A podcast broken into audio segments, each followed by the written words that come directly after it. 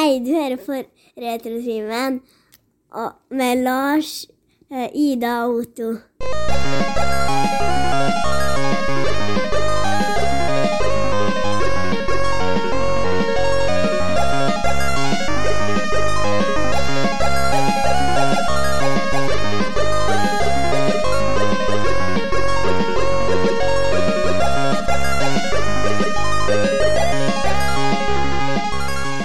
I OLED-skjerm. OLED med røven er ikke noe bruk for. Vi skal se det på TV-en.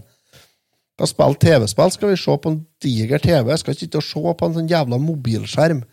Det er tull.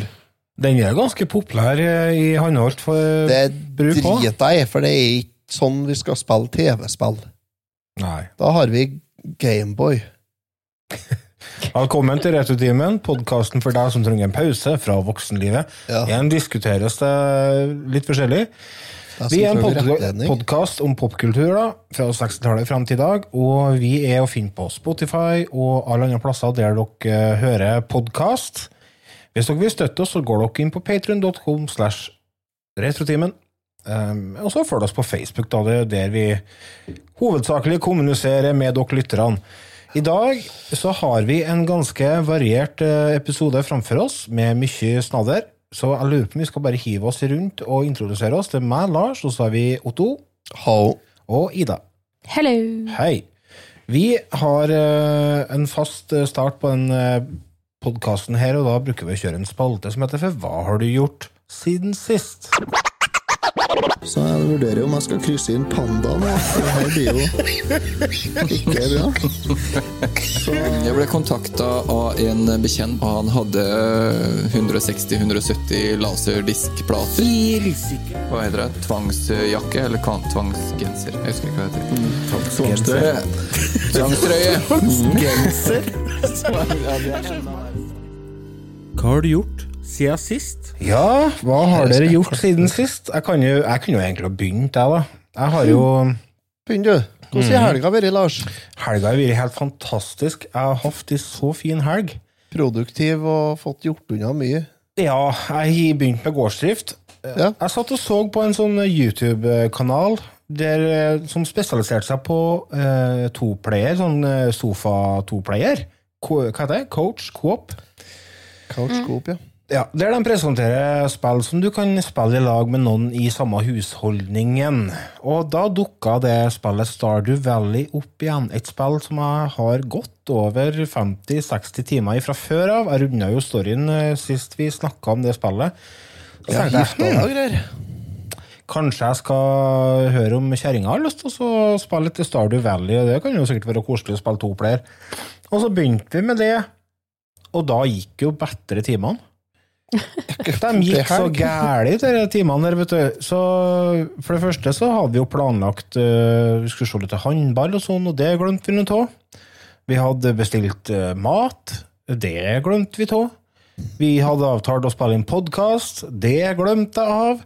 For første gang i løpet av seks år. Så det er ikke noe tvil om at Stardew Valley er et helt fantastisk bra spill.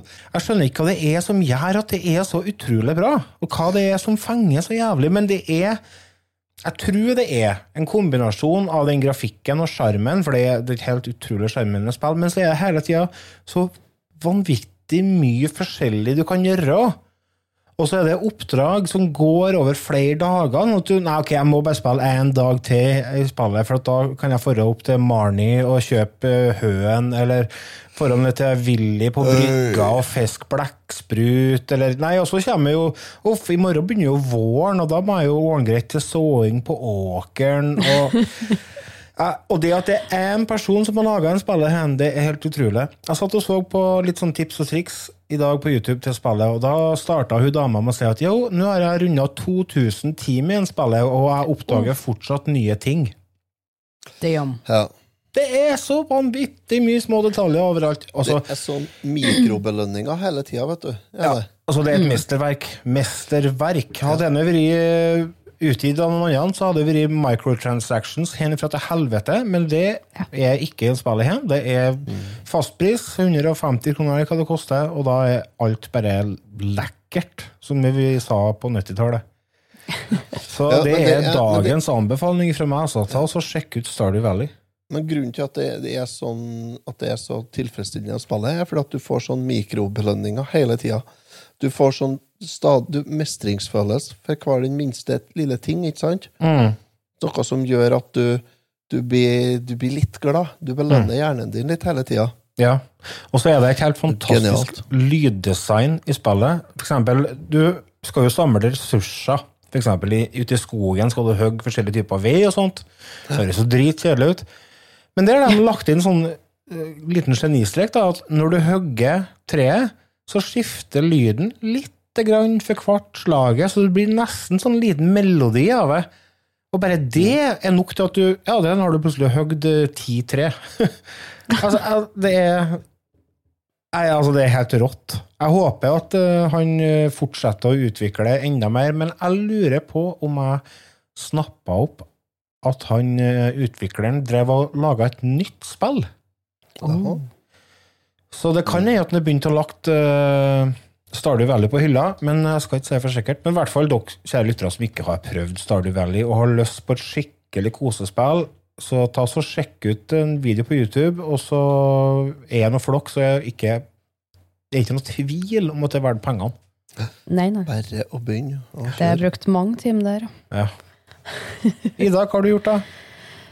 Nei, jeg har vært i Trondheim på 30-årsdag. Vopp, vopp. Whoop, whoop. Whoop, whoop. Han ble overrasket, for det var sånn surprise-fest.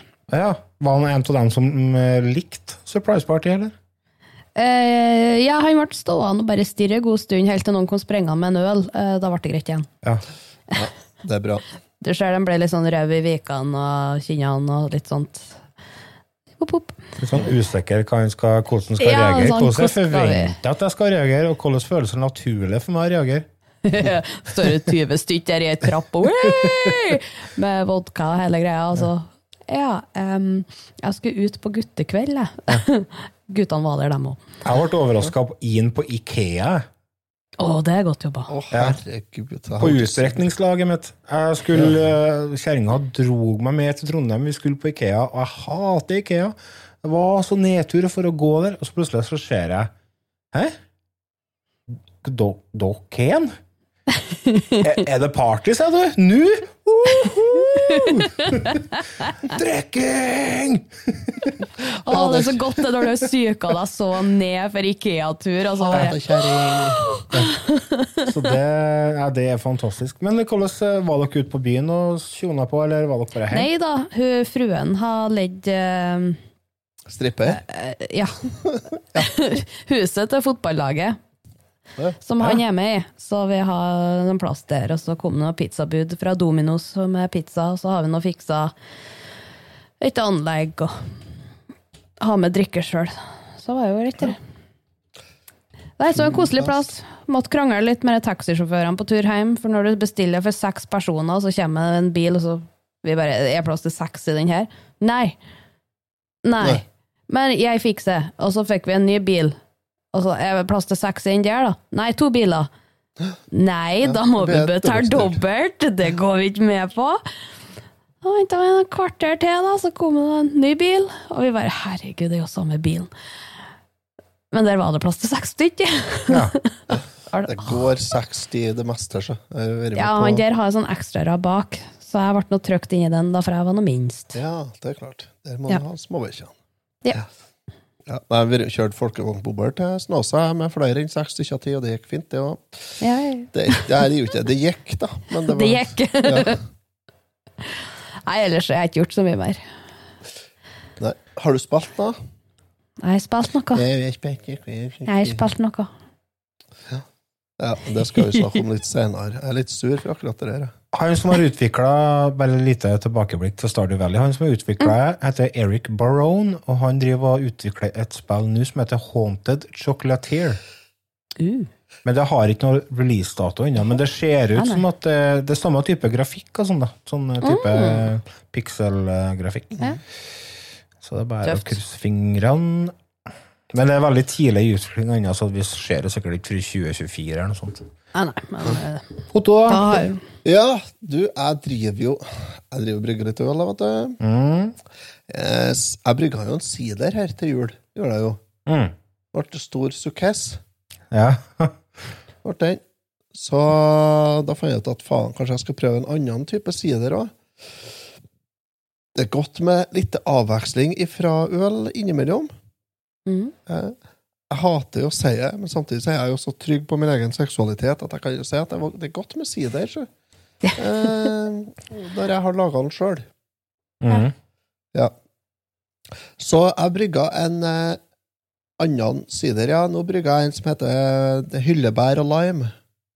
Ja. Hyllebær, hva er det for noe? Hyllebær og lime. Det er visst noe blomster. Det er en blomst. Ja. Danmark er veldig flink til å bruke den i mye forskjellig. Ja, i hvert fall. Det var hyllebær og lime ble det. Og så tenkte jeg faen, hyllebær, det har jeg hørt om før, men det var- hørtes jo ikke dritgodt ut, det. Så den kanskje jeg skal, hvis jeg hiver på med litt eple, da, nei, litt appelsin oppi der. Så jeg har oppi ei bøtte med appelsinmarmelade i tillegg. Det jeg tenkte på, var det at uh, den er jo, jo hva det er, underkant av 100% sukker. Ja. Så, så den skulle jo liksom frese seg og gjære ut sånn i løpet av fem-seks dager, den sideren, da. Eh, Det tok eh, 18 dager. Med sånn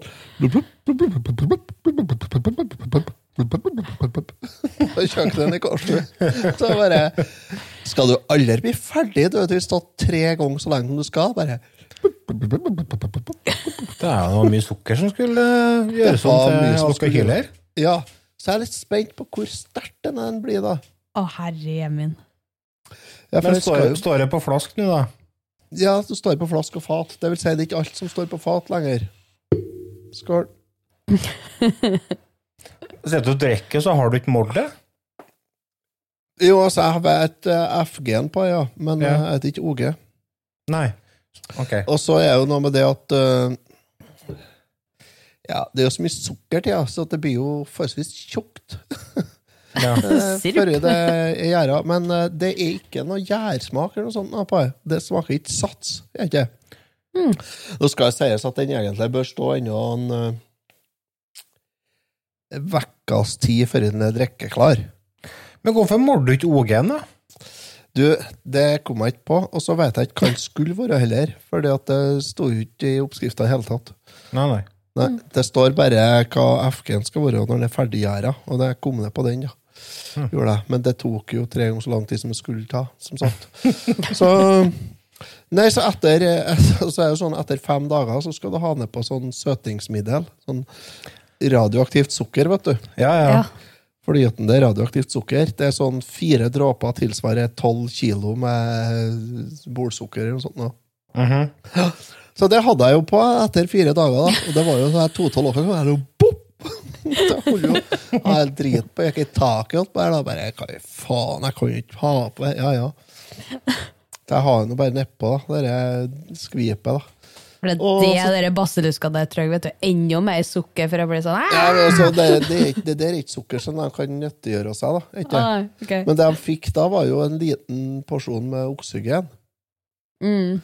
Sånn at da bar seg jo lyst igjen, da. Så det var jo sånn Jeg bruker jo å ha sånn vaskemiddel nedpå gjærlåset. Ja. Sånn starsan. Og det var sånn, det var sånn skikkelig nissehuv som var sånn fem-seks centimeter høy, med sånn dusk, i ja, vet ikke jeg, i over 14 dager. Mm. Han sto der, det tok 18 dager da, før han slutta å si Og da var jeg så lei at nå får jeg faen meg være. Nå skal du på flask, din kuk. så da ble det det.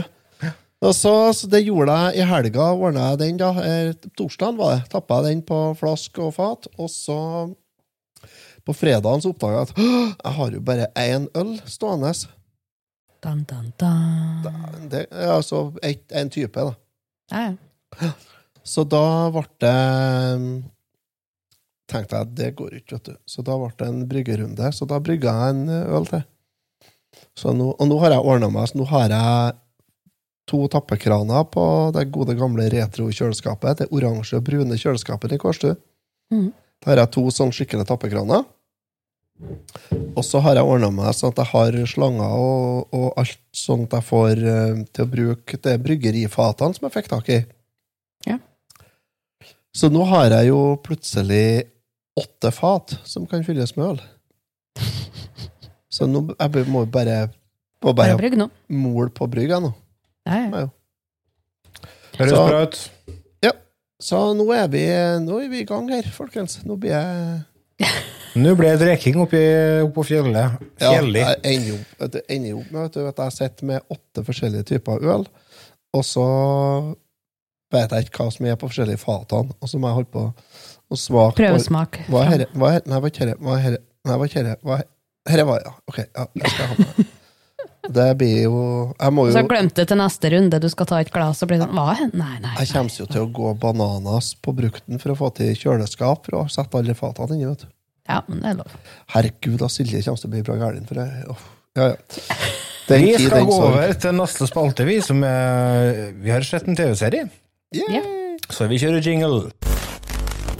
These go to 11. But they'll never take our freedom! Ezekiel 25. You're gonna need a bigger boat. Nobody puts baby in a corner. Make my day. I'll be back. Yo, Adrian! Adrian!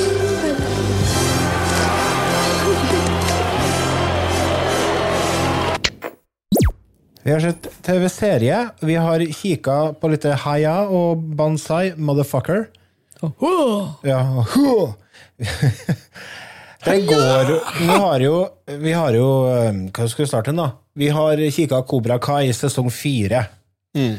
Og uh, hver gang jeg ser en ny sesong av denne serien, så tenker jeg dette må vi jo snakke om. Dette er jo uh, absolutt ja. midt i uh, målsiktet, både for lytterne våre og for oss. Så vi skal ta en liten prat om sesong fire av den serien som er tilgjengelig på Netflix. Den fikk jeg en liten sånn stamming som hengte seg opp, og så gjorde jeg en greie ut av det. Jeg har tydeligvis begynt å stamme.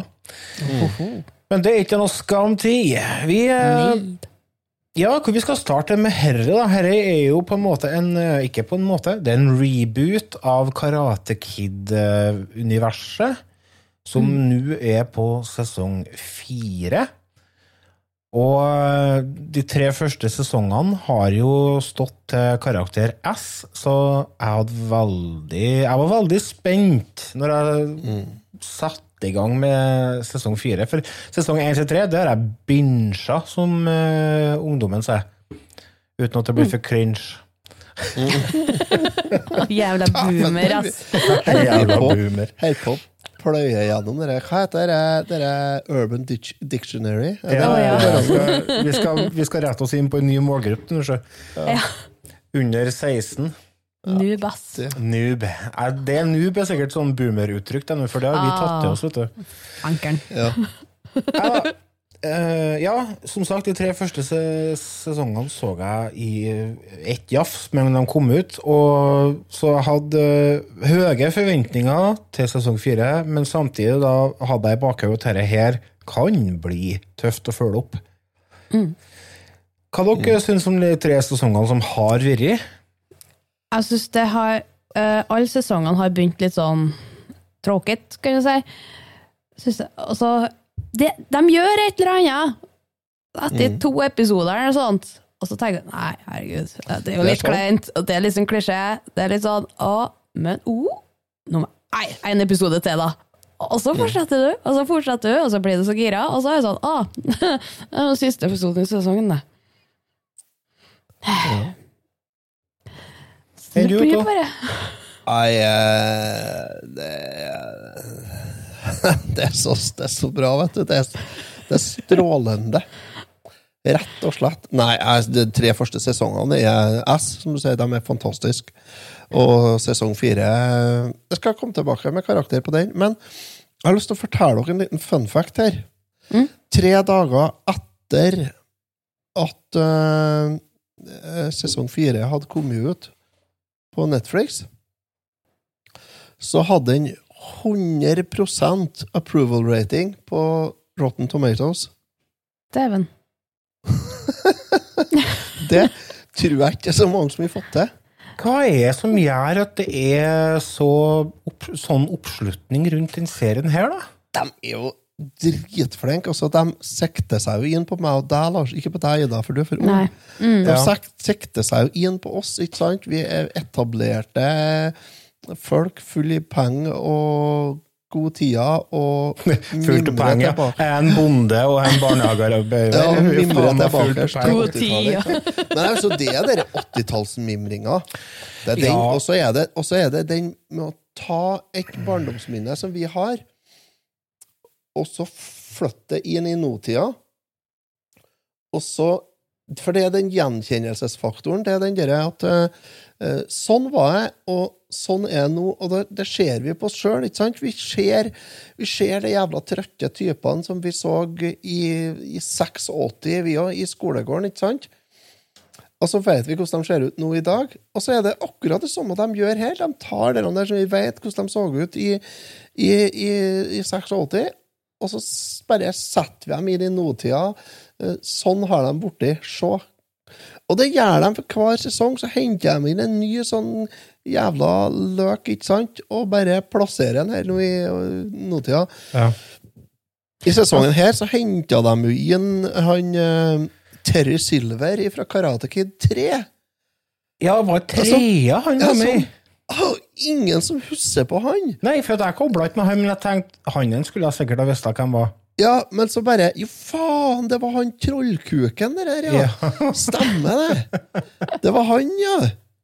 Faen, har de fått til han òg? Ikke sant? Det er sånn, vet du. De har Og så til gjør de det genialt med at de viser lite filmklipp ifra tredje filmen, da, så du Å, å, Ja, ja, det var han, ja, så du husker dem.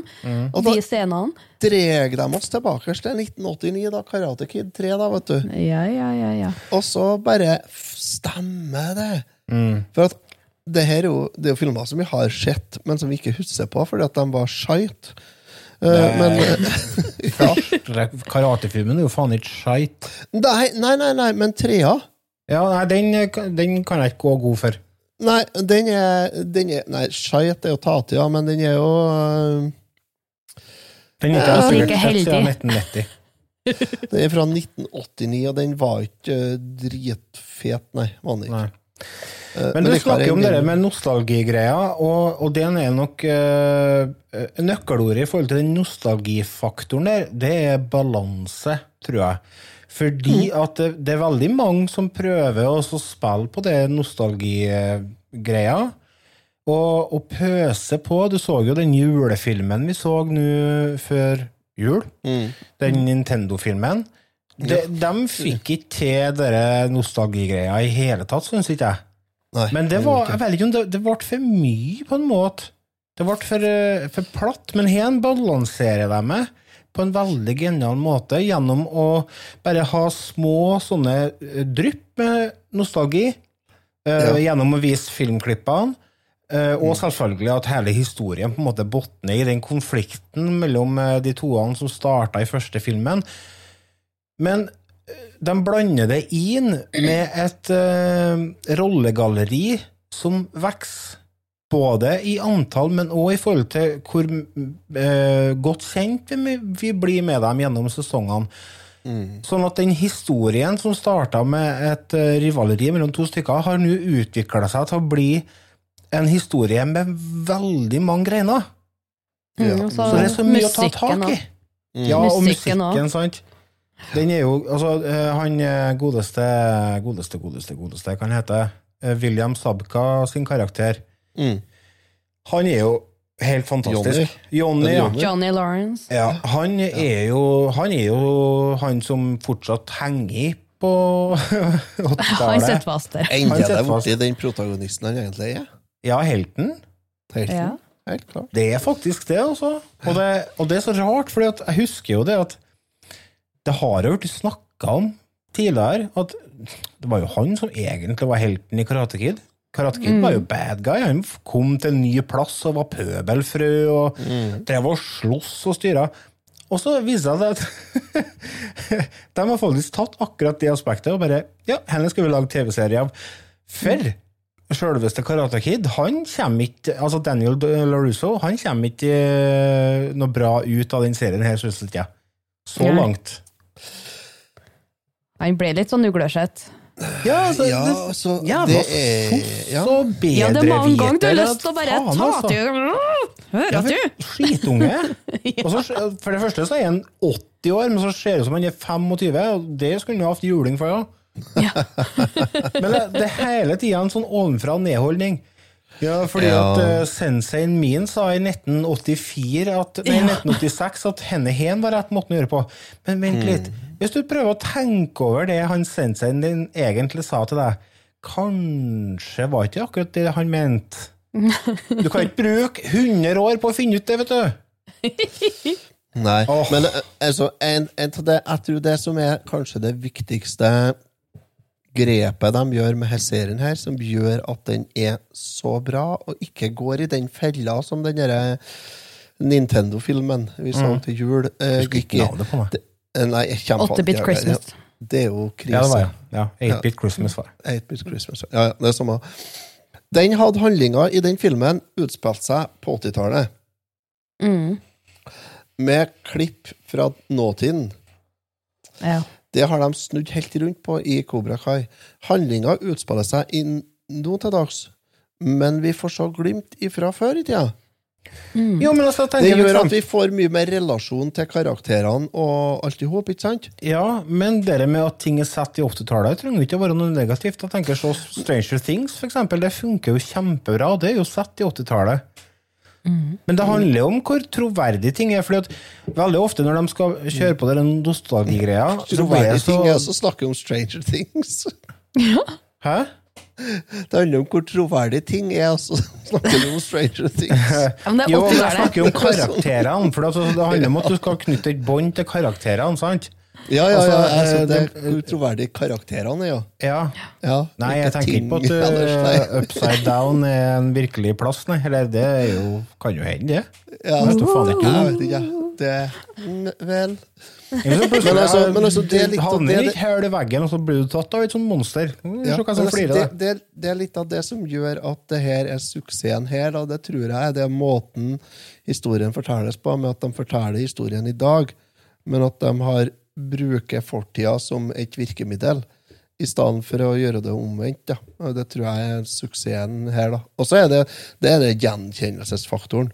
Så se hvor kjedelig og døll vi har blitt som voksen, og så tenker vi tilbake på Vi husker ikke på all den driten og hvor kjedelig det var når vi var ungdommen, men, men vi husker på enkeltepisoder, og det, det bruker de her, og da peker jeg tilbake til enkeltepisoder. Ja, så det, Da snakker du om uh, det med å identifisere seg med karakterene, men så har du Ja, ja. f.eks. uh, ungdommene i serien. Du, du blir jo på en måte betta til dem og lem du ikke identifiserer deg med dem.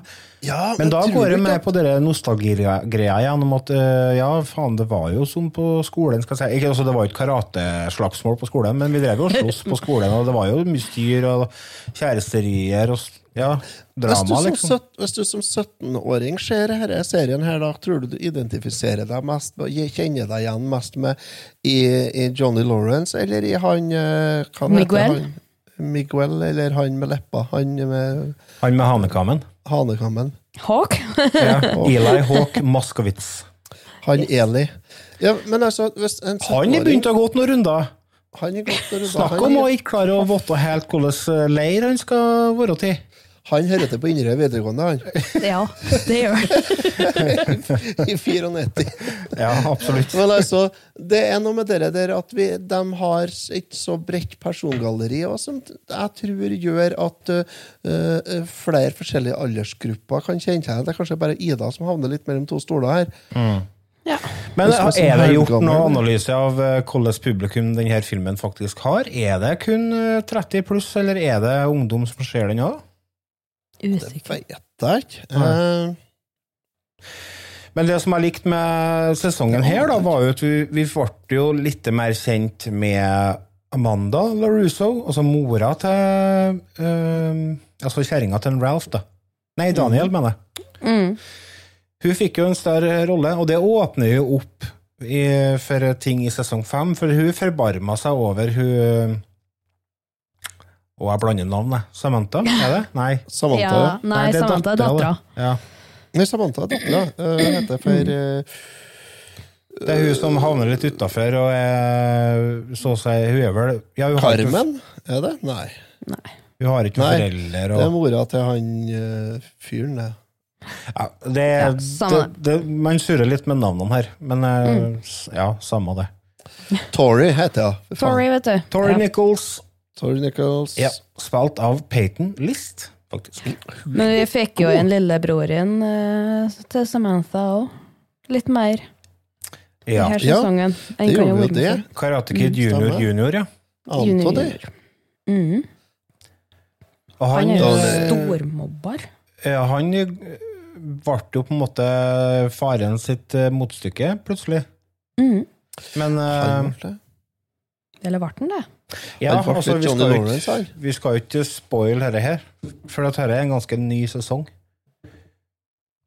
Mhm. Men det skjer Det ting, da, for å si det sånn. Mm. Og det, er, det, det skjer ting som åpner opp for flere historiegreiner. Eh. Historie... Hva heter det? Arks? Nei, jeg vet da faen. Samme det. Ja.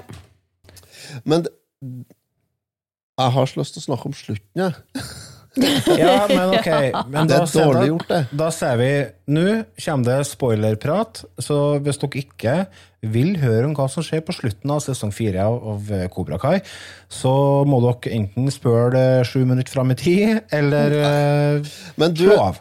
Nei, men, men vi, vi trenger ikke å spoile, vi trenger ikke å ta slutten. Det trenger vi ikke gjøre. Men, men vi kan være så ærlige som å si at det, det er nok åpna for en sesong fem. Ja, den det, sto jo på slutten at var allerede fastslått. Så Ja. den kommer jo. den er bekrefta, den. Så Mm. Ja, den kommer sikkert neste år, tenker jeg. Det blir konge, det. Ja. Serien er starta på YouTube, den. Det Som en del av den YouTube-Red-greiene. Ja, to første sesongene kom på YouTube. Ja. Men nå er det Netflix. Ja. Årsaken til at jeg tegna YouTube uh, Ja. Premiumabonnement, faktisk. Det var mange som hivde seg på den, altså. Jeg tror faktisk det var mitt første møte med YouTube eh, uten reklame òg. Etter det så ikke jeg kikka meg tilbake. Nei, kjære vene. Det- Fy søren, det er mye reklame der nå. Og Denne- det har økt. Ja. Denne episoden er sponset av YouTube. Mm, det er en ikke. Nei, det er en så faen ikke. Sponsa av noen. Jo, vi er sponsa av våre kjære patrions. Yes. Og dere Jo, vi er jo sånn er best. men vi er ikke sponsa til YouTube, nei. Det er vi ikke. Men, men vi, vi trenger ikke å dalle så jævlig lenge med serien, da, fordi at uh, Da spoiler vi alt. Ja, det er jeg livredd for at vi gjør, nemlig. Men eh, karakter syns jeg nå vi skal sette for de. Ja, jeg kan begynne. jeg. Ja, begynn jo, Lars. Jeg syns at denne sesongen eh, tar med seg alle de gode tingene fra de forrige sesongene, og det blir ikke eh, de, de klarer å spinne videre på det uten at det blir kjedelig. Jeg syns at eh, de nye karakterene eh, tilfører positive ting. Det var litt eh, delte meninger om den ene karakteren som ble introdusert, han eh, komiske elementet. Han eh, svære Og Stingray? Stingray, ja, stemmer det. Men jeg, jeg syns han eh, passer seg inn i serien veldig godt. Så eh, Nei, herre er, herre er så midt oppi gata mi at eh, gata mi kunne ha hett Kobra Kai, så dette er en S ifra meg. Jeg elsker det, og jeg kjempegleder meg. Det er nesten så at jeg vurderer å se hele skiten på nytt igjen. Se alle fire sesongene, bare for å mm. se alle de gode scenene på nytt igjen, for det er så vanvittig mye bra humor. En ting de fortsatt kan bli bedre på, er dramaelementet. For at jeg er fortsatt ikke der at jeg blir grepet eh, av de eh, stundene som er prega av alvor eller tristesse eller eh, kjærlighet eller whatever. Jeg er fortsatt ikke helt der. Men det kan være at eh, enten at jeg er- begynner å bli platt i en alder av 42, eller at jeg må gjøre en bedre jobb. Men det er fortsatt en S. Ja. Kjører på videre. Um, eh, det er Det er S, det er S, det er S, det er S. Det er helt supert. Det er suverent, det er styggbra, det er søkker hvor bra en serie. um, de henter inn noen karakterer og noen noen ifra andre plasser som, som gjør at Oi. Og det er sånn jeg, jeg, det, det er bare Det er som du sier, Lars, dramagreiene, det er litt sånn Men jeg tenker, det er bare et, er bare et virkemiddel her. Det er ikke, det er ikke en dramaserie, sånn sett. Og, men humoren som er, som dukker opp, eh, som kommer, den liker jeg. Det må jeg si.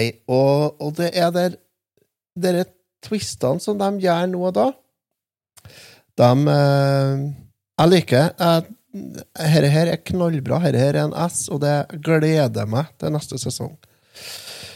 Veldig greit. Ida, da? Ja, det er en S. Det er ikke noe annet å si enn det. Eh, jeg elsker jo en Johnny Lawrence. Hvordan han spiller rollen sin og sånn. Han er veldig i- lik meg, han. Ja, I tidligere sesong, ja, når de skulle lære han Facebook og sånt. Hva var det lik meg? What's on Facebook? Elektroniske duppeditter og sånt. Det, da er han gull. Når han prøver å lære seg nye sleng fra ungdommen. Åh, Han er gull. Det er humoren. Nei, han er rå. Han Så det er bare å få henne sett. Ja. Har du sett det, showet igjen. Ja, ikke sant? Det var, en, eh, det var en bra anmeldelse. Vi skal ta et eh, liten pause, og så er vi tilbake med litt eh, highscore-prat.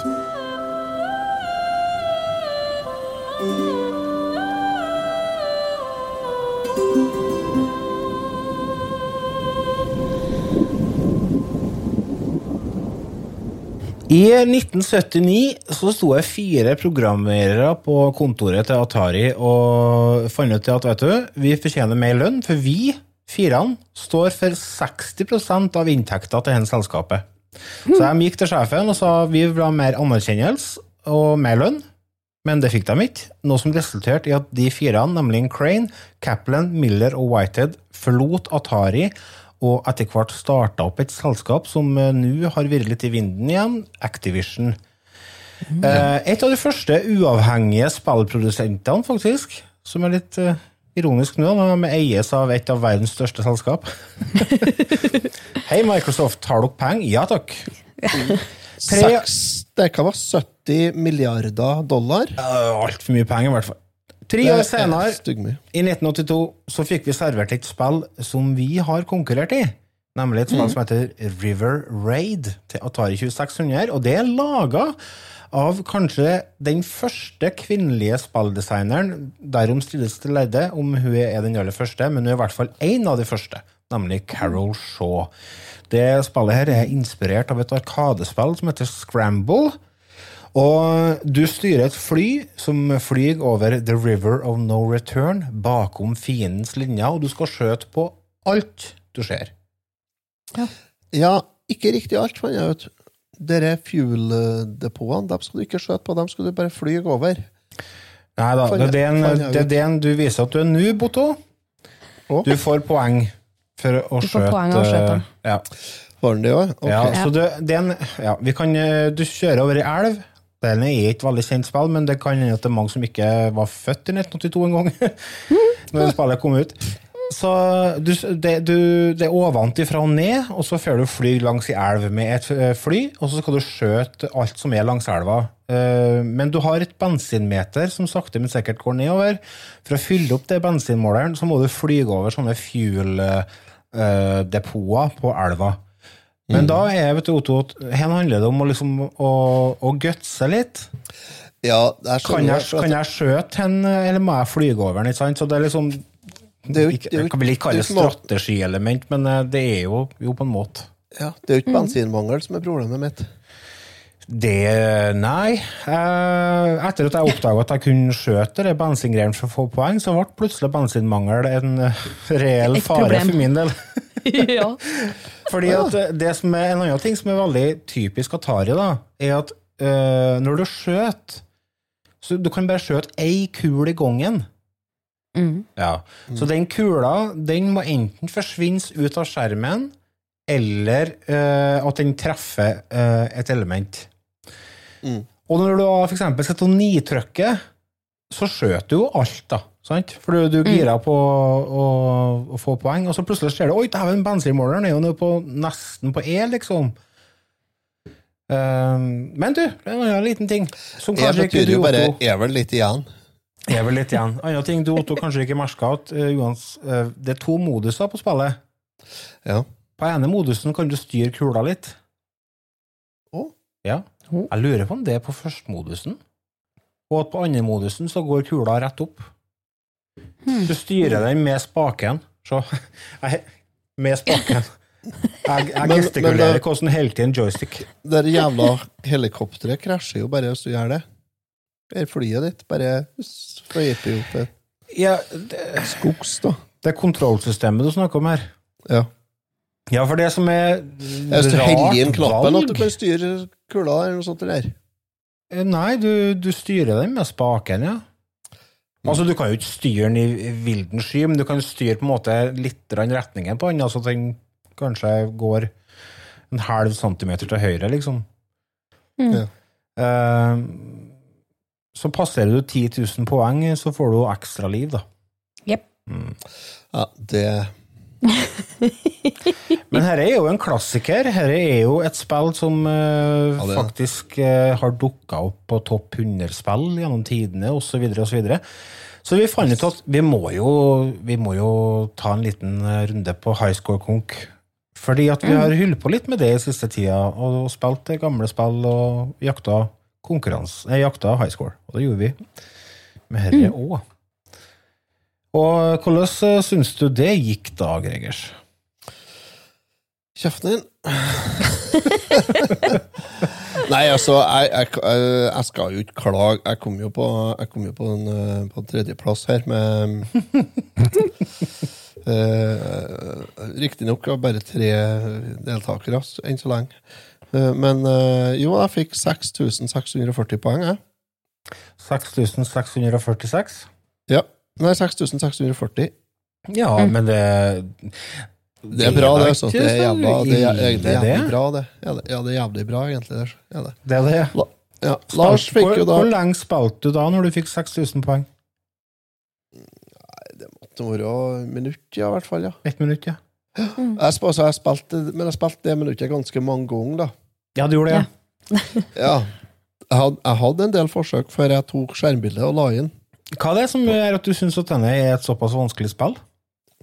Jeg veit ikke. Jeg lurer på at uh... Nei, det er galt med kontrolleren, men Ga du, ga du nok tid, da? eh, Nei, altså, det skal sies da, jeg spilte jo spillet her mens jeg var på brygga, vel. Gjorde jeg jo. Ja. Så det var jo over en sekstimersperiode. Men Mm. det var sånn eh, til og fra Nei, jeg tror sikkert ikke Jeg har sikkert ikke prøvd det med en 30 ganger, nei. Nei. Men jeg føler at det er nok, det. Fordi at det, det her spillet her det er under fire kilobyte. Ja, faktisk. Hele, spillet, hele fuckings spillet er mindre enn fire kilobyte. Det er jo ikke noe ende Så, på en spillet, vet du. Er ikke det? Nei, jeg tror ikke det, men jeg mener det er sånn kill screen. Jeg fant enden, nei, ja. Ja, du får en ende. Det er jo når du dauer sist gangen, da.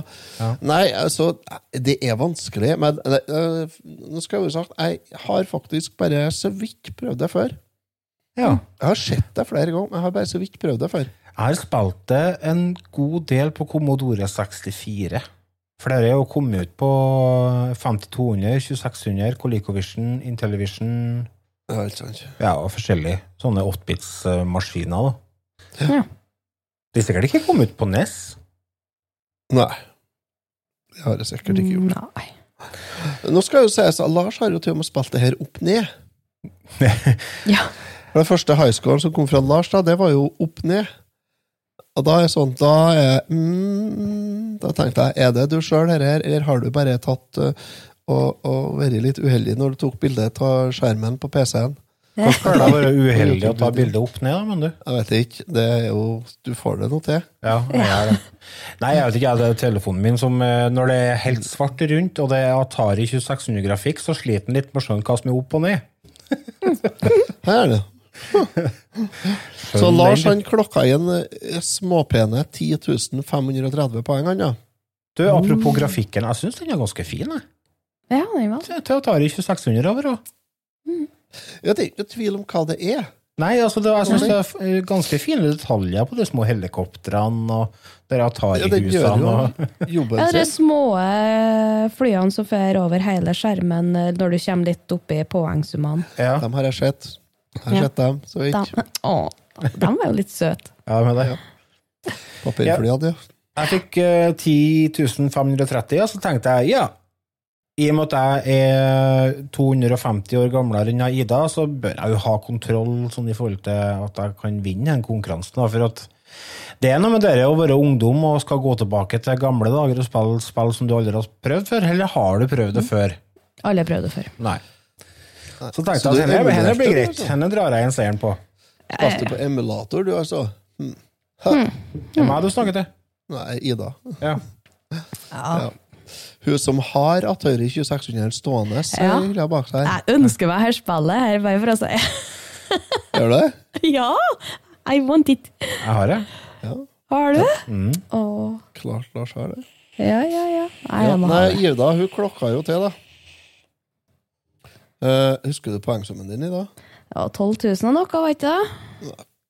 Nei. Jo, jeg tror det var. Jeg kan eh, dobbeltsjekke litt uh, kjapt her.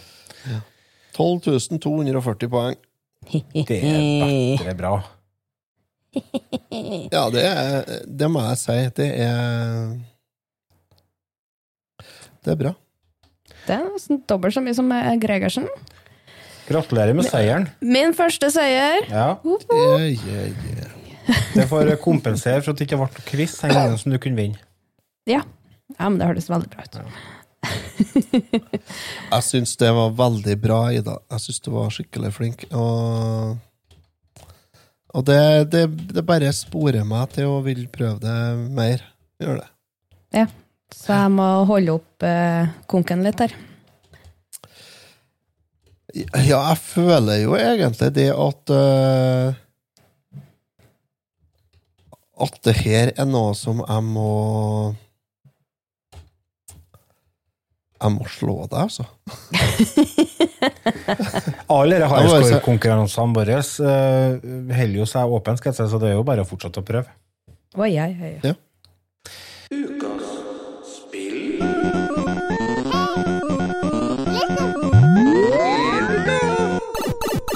Vi fikk et tips fra en av våre kjære patrions, som heter Carl Peder. Han sa det at eh, dere skulle ikke ha prøvd eh, hennes spille, da.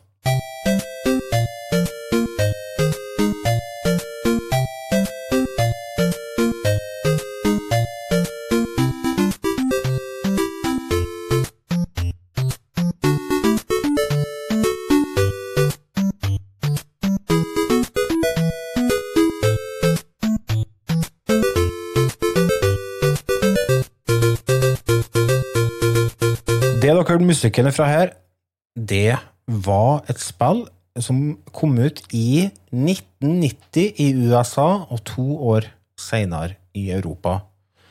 Det er et eh, spill som jeg ikke har prøvd før, nemlig Star Tropics til Nintendo 8-bits. Jeg blanda det med Goofy Troop. Jeg tror ikke det var det. Oh. Oh, Eller Troops, eller hva det heter. Goof Troop. Goof Troop, ja. Goof Troop. Dette er et spill som eh, er designa av en kar som heter Genio Takeda. Og han eh, var veldig inspirert av Zelda, og det kan en merke, for så vidt. Men han var òg veldig fascinert av Vesten generelt, og han så at spillmarkedet på den tida der var i vekst. Derfor så utvikla han spillet spesielt for oss på hennes side av verden, altså spesielt ho hovedsakelig for USA, da. Men mm. det kom jo ut her òg, et par år senere, og det merker man godt, altså. Eh, Det som er på en måte historia her, er at du styrer en 15 år gammel pjokk som heter for Mike Jones. Han er en baseball-pitcher. En, som driver og kaster baseball på laget, fra Seattle. Og en dag så får han brev fra onkelen sin som heter Steve Jones. da. Og Der han blir invitert til ei øy som heter Sea Island. Eh, og når du kommer dit, så oppdager du at onkelen din selvfølgelig har blitt bortført av aliens. Ja. Mm. Og du skal redde han, ja. Dette er jo et uh, sånn type øh, første Zelda til Nintendo-spill.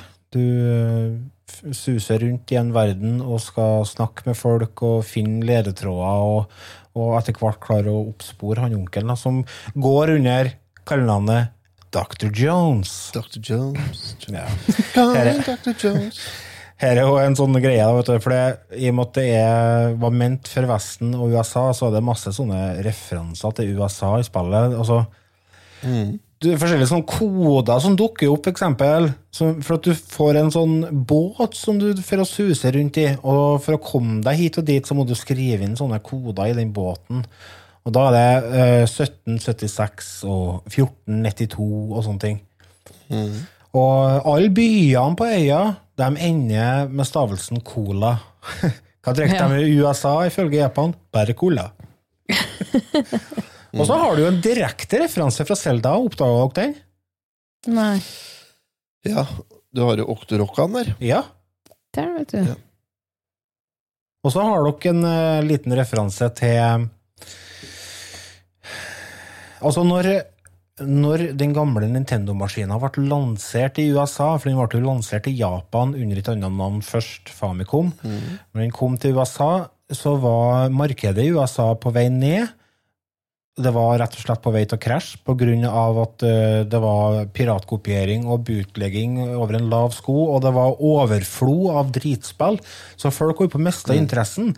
Så for å eh, klare å slå igjennom i USA, så valgte Nintendo å presentere den gamle Nesten som en slags sånn uh, underholdningsmaskin, der du kunne kjøpe en uh, uh, versjon der det var med en robot som het for Rob the Robot.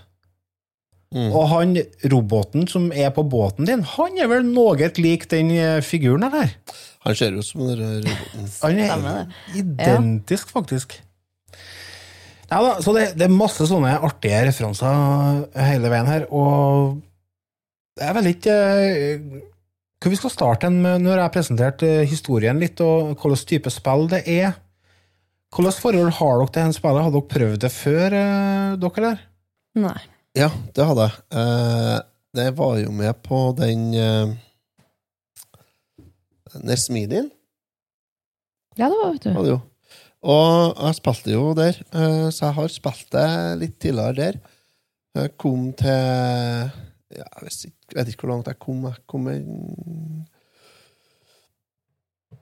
til etter den derre delfingreieren, og så kom jeg på ei øy der, og der traff jeg en eh, Jeg traff en Da flirer jeg for det kommer jeg det, det, Jeg kom dit nå, var, du kommer i land på ei øy der etter at du har truffet mammadelfin.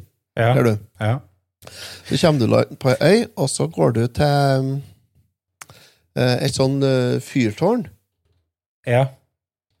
og så snakker jeg med han fyren der, og så sier han bare eh, Hva han sier Go visit my wife. ja.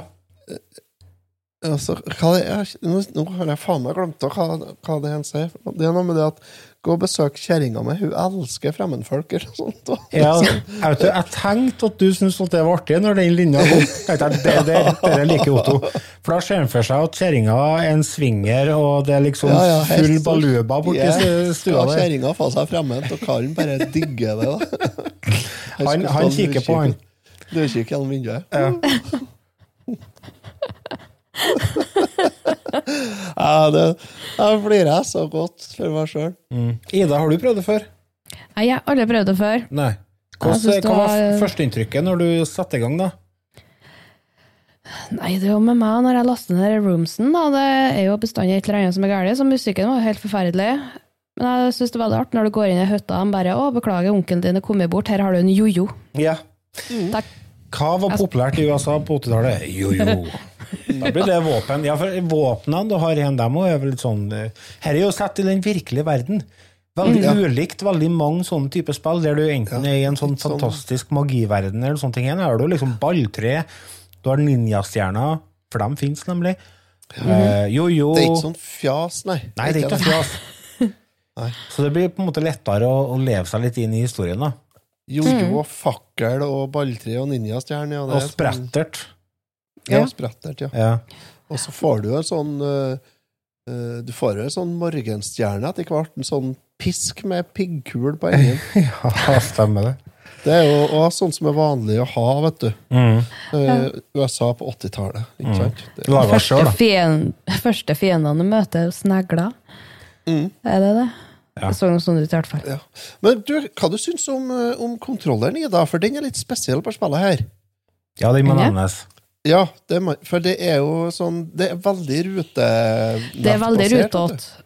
Ja, det Det det. sleit jeg litt med. For eh, det første gang eh, Etter du har fått jojoen din, og sånn, så sier de 'gå gjennom hula her', så vet du hvor du skal gå hen. Mm.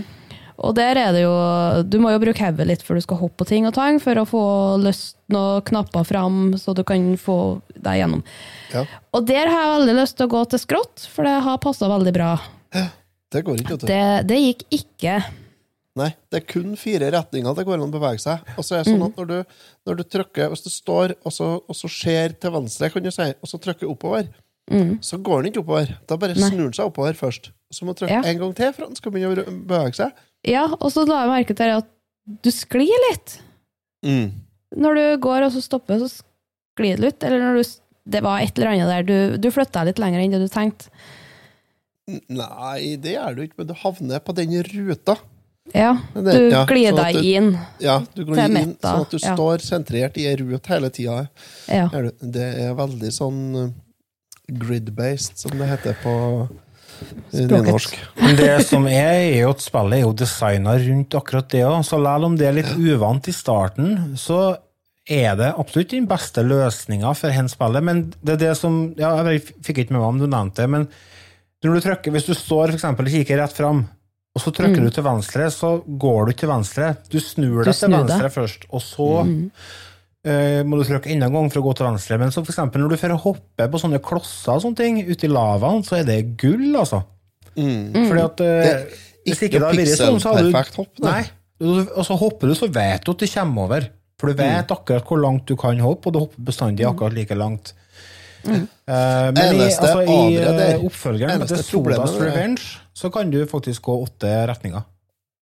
Eneste problemet med den måten å bevege seg på, det er i noen av dere labyrintene, for det her er jo sånn veldig labyrintbasert spill, da.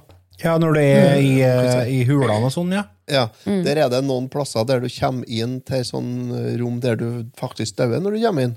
Hvis du hopper inn. ja. Det er, det er sånt, Da må du huske på det til neste gang. At, okay, ja, For det, det, er ikke Jeg skal ikke dit. Så. Det er en av de tingene som er negativt med henspillet, synes jeg. fordi det er flere sånne plasser der du rett og slett er nødt til å prøve og feile. Du kommer Ja. inn i et rom, og så får du et mikrosekund på deg til å se hvordan det rommet ser ut, og så er det mørkt. Ja, så er du død. Så må du bare hoppe og prøve, da.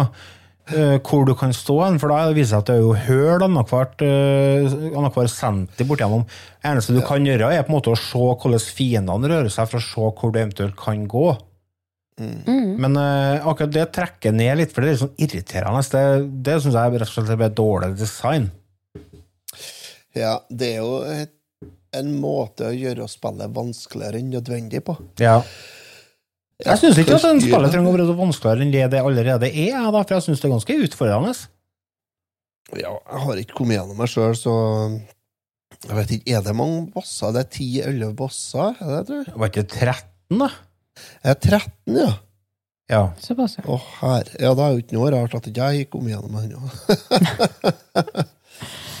men, eh, men eh, jeg tror nok at det er et spill som eh, som belønner ganske bra hvis du gidder, eh, altså hvis du faktisk gjennomfører og så runder det.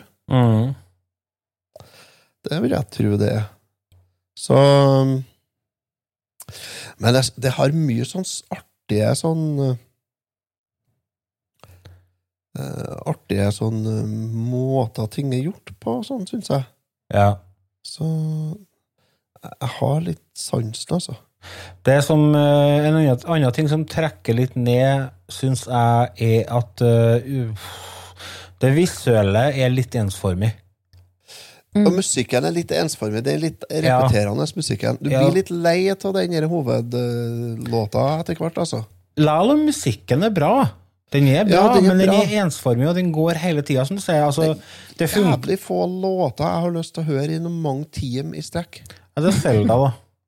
Ja. Nei, jeg har ikke noe lyst til å høre mye Zelda-musikk heller.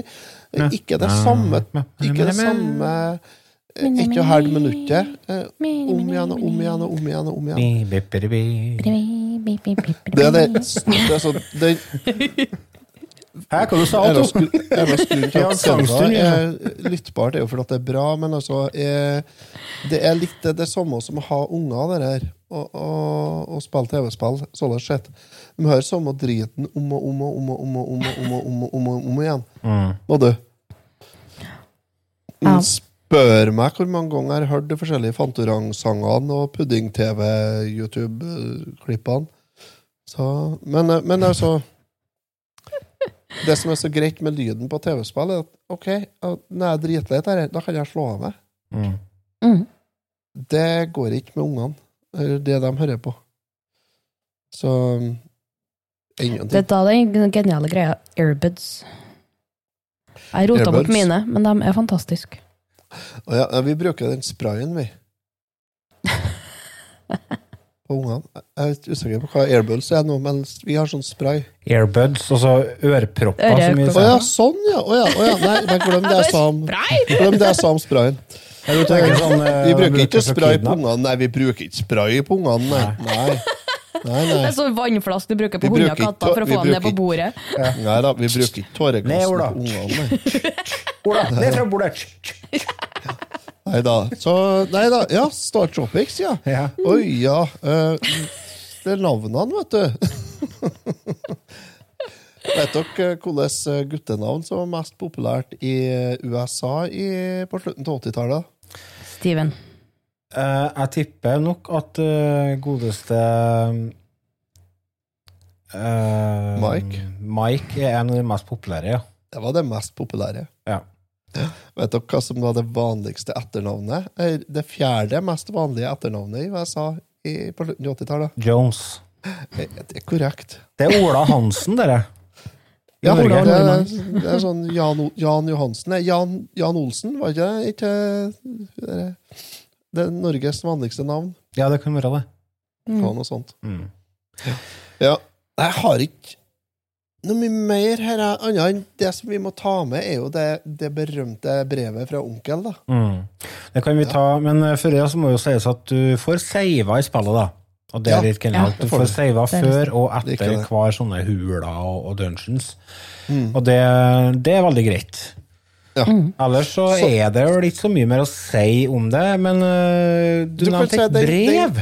Den, ja, vent, ja. Den, den, den, eh, når du starter spillet, så starter du jo med at du kommer på en skjerm med tre, der du velger en av tre save slots, og så skal du skrive navnet ditt. Mm. Og det er jo eh, Det er jo klin likt Selda. Ja. Det er det. Første Selda. Det er akkurat som opplegget, altså. Med to første Selda-spillene, faktisk. Så, men ja, nei, brevet. Brevet fra onkel. Ikke forstå, snakk med onkel. På Det var jo sånn at folk kjøpte jo spillene sine fysisk i gamle dager, kjære lyttere. Mm. Og, og det var jo tilfellet her òg. Så når du kjøpte en spiller hen, så fikk du med et ark inni. Som var et brev fra onkelen. Og når du kommer et stykke ute i henspillet, så får du en beskjed via en annen person i spillet fra onkelen din om at uh, du må ta og legge det brevet du fikk av meg, i vann. What? Mm. tenker folk da. Men da, vet du, det er da du må gå og åpne den pappeska som du kjøpte. Og så inni der, så ta det brevet som er inni der, og så legge i vann. For da dukker det nemlig opp en hemmelig frekvens. Altså, det står eh, Det kommer en hemmelig beskjed med en frekvens som du skal skrive inn for å komme deg videre. Du må skrive inn den i den båten din. Mm. Og eh, det spekuleres jo til at dette her var eh, sånn copy protection og anti-utleie protection, fordi at det er jo ikke noe hemmelighet at utleie av spill fører til tap av penger til dem som lager spillene. Det er klart det er flere som kjøper spillene, da. Vi, altså det husker jo jeg selv. eh, Vi lånte jo Jeg hadde Jeg hadde Super Mario Duck Hunt-kassetten, og så hadde jeg øh, Og ikke Green Beret, men øh, Russian Attack. Russian Attack, ja. Ja, De to spillene hadde jeg på NES. Jeg hadde ikke råd til å kjøpe meg noe spill til den maskinen, men dæven ta hvor mange ganger jeg lånte Double Dragon 2, Super Mario Bros. 3, eh, Adventures of Lolo Altså, uh, Ducktales Alle de spillene lånte jeg, og da betalte jeg jo sikkert 40 kroner for å ha dem et døgn, da.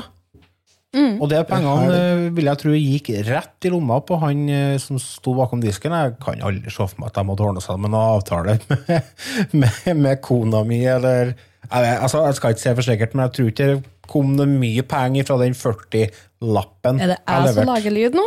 Nei, jeg vet ikke. Noen lager noe helvete lyd. Jeg hører ikke noe lyd, jeg. Da er det du. Lars. Nei. Hvis ikke jeg hører lyden, så er det jo ikke meg. Det ble bare støy, ja. Jeg. Jeg har ikke eh, noe i den her, i hvert fall.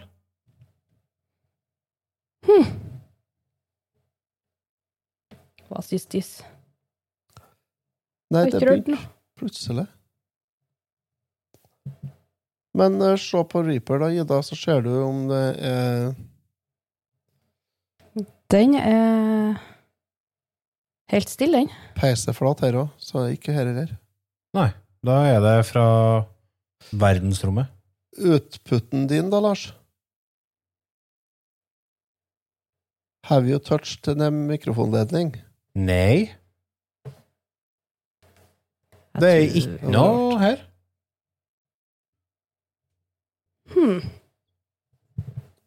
Det var rart. Ja. Det ble stilt. Det ble greit. Dø! Det var der. Jeg har jo en uh, mini-jack-ledning som jeg bruker å ha i iPaden. Den sitter jeg og tramper på. jeg. Ja. Jeg beklager. Der. Hvor vi var vi? Nei, det var ikke Lars, nei.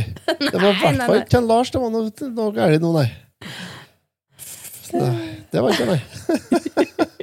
Det er jo greit så lenge det går an å finne ut det. Nei, vi snakka om det Nei, du lånte spill litt overalt. og så Ja, lånte du spill til 40 kroner. Ja. Så jeg tror ikke det var noe mye av de pengene der som rant eh, ned i lomma på dem som egentlig skulle ha dem, for å si det sånn. Nei, de hadde jo solgt spillet én gang, bare. Mm.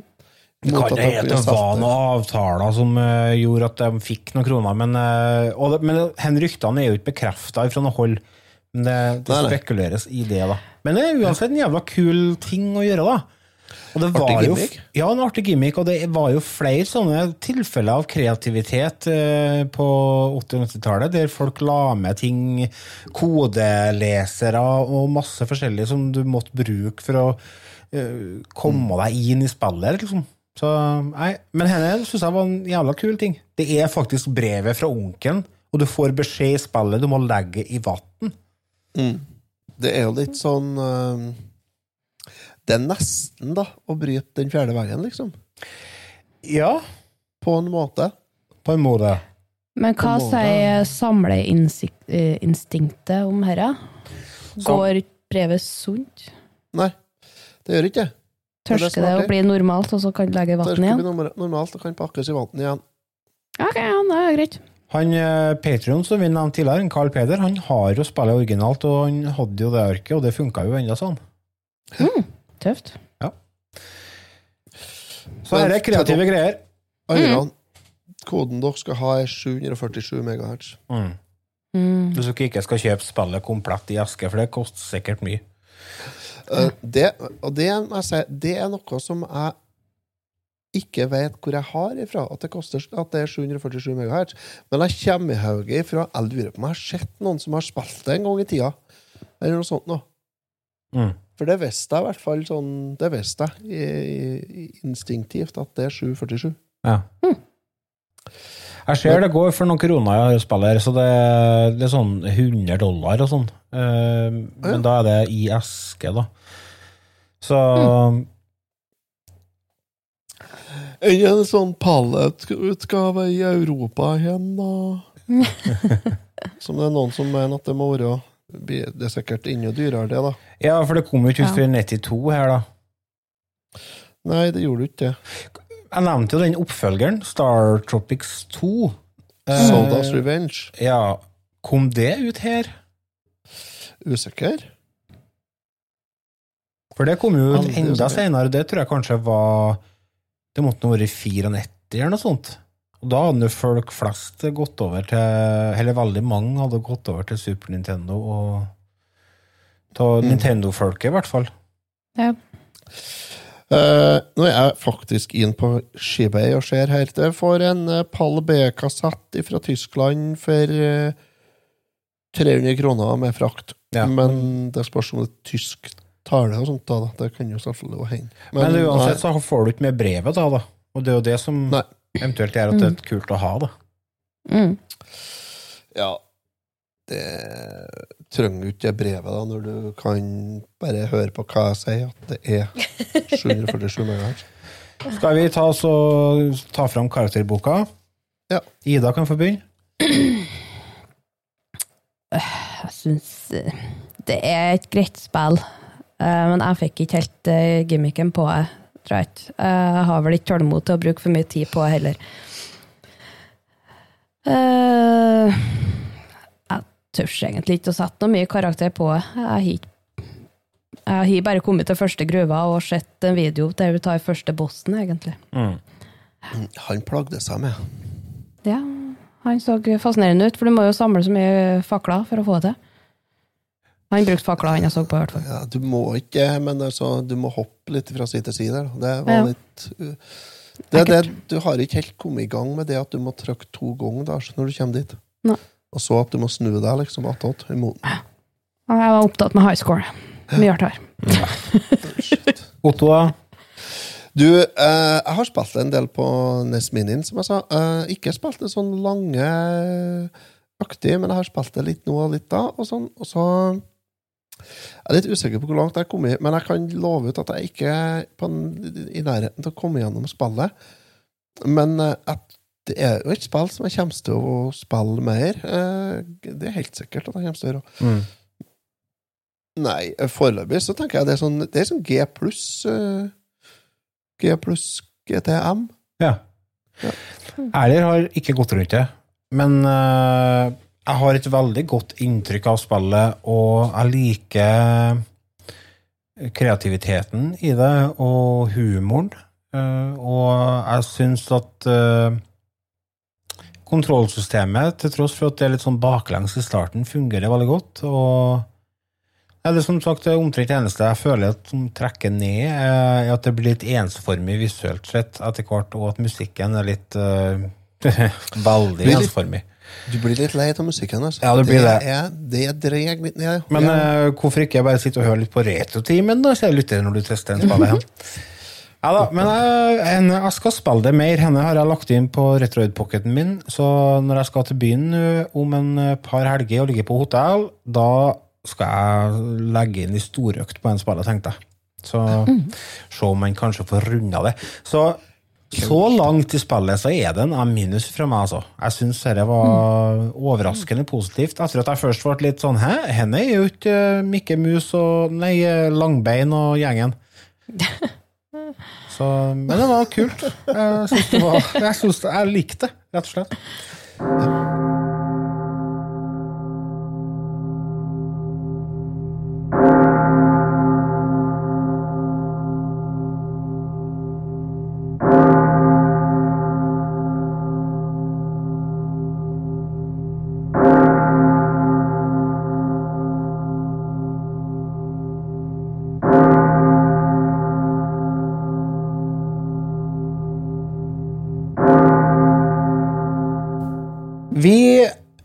Har jo selvfølgelig mesta litt mer folk. Vi eh, godeste Meatloaf strauk med her. Mm. Ja, Har dere noe forhold til han? ja. lite. Å, lite. Å ja, dæven. Jeg har eh, Han har jeg godt forhold til, skal jeg si. Hadde. Ja. Ja. han hadde jo uh, brødrene Bob Kulik og Bruce Kulik, kjent fra Bruce Kulik spilte Kiss. Bob Kulik uh, prøvespilte for Kiss og var studiomusiker for Kiss i mange år. Og så det? Uh, ja, han har spilt på en del plater der Ace Frehley var for full og sånn. Eh, blant annet. Uh, han, Bob Kulik, det var jo i fjor, eller året før. Er det søsknene hans, er du? De er søsken, ja. Ja, Bob okay. ok. Kulik, ja. er Ja. Søsken. Ja. Ja. Eh, de spilte med Meatloaf, begge to. Ja, det gjorde de, ja. Ja, og gitarister, Mm. ja. Bruce Gullick spilte vel på Bat Out of Hell 1. ja. Og eh, jeg snubla over Bat Out of Hell i, på grunn av Bruce Gullick, faktisk. Mm. Fordi at jeg oppdaga at han Jeg fikk høre det at han spilte på, på den eh, Jeg tror det var første Bat Out of Hell. Mm. Og det er ei helt fantastisk plat. Mm. Det er rock'n'roll, eh, og det er enorm stemme på mannen, mann, da. Ja. Helt fantastisk vokalist, og han har jo dritt seg ut litt de siste årene med å dra med seg noen kjerringer og synge da Marion Ravn og, så, og de. Og så lage litt ballader som en flaut på. Men um, uh, jeg digger Altså Meatloaf. Jeg har eh, det Bat Out of Hell live-DVD-ene, og Mm. det er virkelig verdt å få sett, altså. Mm.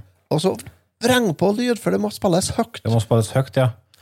Men er det det Bat skithøyt. of Hell som har som, uh, For nå husker jeg gamle kassetten pappa har, for han har en Meatloaf-kassett. Og da var det blått cover med sånn svart eh, flaggermus på. Det er alt jeg husker fra den, for det- den stjal jeg og hørte mye på, men jeg husker ikke musikken. Jeg Er det ikke hva den toa, det, kanskje? To, ja. Jeg tror det er nummer to. Jeg tror Ja, for etta er rødt. Ja. Ja. Ja. Etta er rød, ja. Toa er jo den som kom eh, på 90-tallet. Ja. Er ikke den uh, I'll Do Anything for Love er på? Jo, Ja. det var det sikkert. Mm. Det var første møte mitt med Meatloaf òg, og jeg husker at jeg, jeg digga den sangen så gærent. At jeg fant nå skal jeg dra på butikken og så skal jeg kjøpe CD-singelen av den der. Jeg var i 93, så jeg var, jeg var 13 eller 14 år. Og så kom jeg dit, og så hadde de ett eksemplar igjen av den CD-en. Og så akkurat da så kom en, eh, en av de kule guttene i klassen uh, gående og sa vet du, han får ikke du lov til å kjøpe, for du har ikke kjæreste. Han er kun musikk for dem som har kjæreste. Og så kjøpte han singelen. Nei, skittunge. Ja. Fucker. Så da fikk, jeg bare- da fikk jeg ikke kjøpt den. Men jeg måtte bare sitte og vente på musikkvideoen på MTV. da. Men den gikk jo til gjengjeld jevnt, da. Og en helt rå musikkvideo på den eh, låta. Og det er jo en sånn eh, generell greie med Meatloaf. Han har jo laga episke videoer hele tida. Og samarbeida jo veldig mye med Jim Steinman, som har, eh, står bak veldig mange av hitene til Meatloaf. Det er storslåtte låter, altså. Absolutt. Absolutt. Vi skal ikke snakke stygt om de døde, så vi trenger ikke å si så mye mer om ham. Altså, han har jo et lite rykte på seg til å være ganske tverr og vanskelig. han var Ja. jo med i Tenacious D, uh, Pick of Destiny. Ja. Han spiller pappaen til uh, en ung Jack Black. Og det var visst eh, ikke bare bare å ha med den godeste Meatloaf på den videoen. Han var ikke enkel å ha med å gjøre. Men han var jo Hvorfor må du være enkel å ha med å gjøre da, når du har masse talent? Da har du lov til å være litt kul, da. Ja. Jeg hørte et intervju med Marion Ravn en gang, Ja. der hun fortalte om sitt første møte med Meatloaf. ja. I forbindelse med den låta de hadde i lag. Uh, hva den het for noe? Den het for eh, eh, Ja, det kom da sing det kom med singel av den òg. Jo da, det gjorde det. Jo, jeg tror det gjorde Det er den uh, It's All Coming Back to Me. It's all coming back sånt. to me now, heter den. ja. Ja. Mm. Hun var på hotellrommet sitt, og så skulle han komme, og så skulle For de skulle bare uh, prøvesynge den, eller noe sånt. nå. ja. Mm. Så hun satt og øvde på Satt og klimpra på piano eller noe sånt, og bare, og bare sang litt på den sangen for seg sjøl. Mm. Og så kom han inn, og så hun, hun fikk med seg at han kom inn, for det var jo noen sånn produsent og dildal-folk der helt sikkert i lammet. da. Ja. Mm. Og så har han bare stilt seg opp i andre enden av Det var jo hotellrommet, som hun sa, men det var sikkert litt større enn det hotellrommene jeg bruker å ha når jeg er på tiendesamling på Lillestrøm, liksom. Så han bare stilte seg andre enden på rommet, og så har han bare begynt å synge. Og han, han, hun sa stemmen hans fylte hele rommet, og det var så han var bare Han tok til. Det var ikke snakk om å synge litt stilt, Dette skulle kaukes. Ja, ja hei, Og da bare Hun har bare fått eh, 100% ståpels, og bare Herre her skal vi gjøre, her skal det ytes. Så da var hun nødt til å ta den opp til 110 òg, så det var pedalen gjennom gulvet i skikkelig Flåklypa-stil, og bare gaul i vei, det. Ja. Så det ble full match, men uh, nei, for en fantastisk type. Han har jo hatt uh, mye bra, men jeg anbefaler virkelig å høre gjennom Battle Out of Hell 1, den første plata, den fra tidligere på 70-tallet. Den er magisk. Med Sendt 70, tror jeg vi ser. Ja, ikke er sendt 70? Jeg tror det. Men det er i hvert fall masse gode låter på den, som du ser. Paradise by Ja, the Dashboard Light er jo der. Ja, ja, ja. ja. Uh, Back to Hell. Absolutt. Heaven Can Wait. You All took- Up With No Place To took the Go. words right out of my mouth. Ja. Den er der. Nei da, kjempebra plate og en, øh, en stor stemme. Så her kommer tre klokker til deg, Meatloaf, og takk for musikken.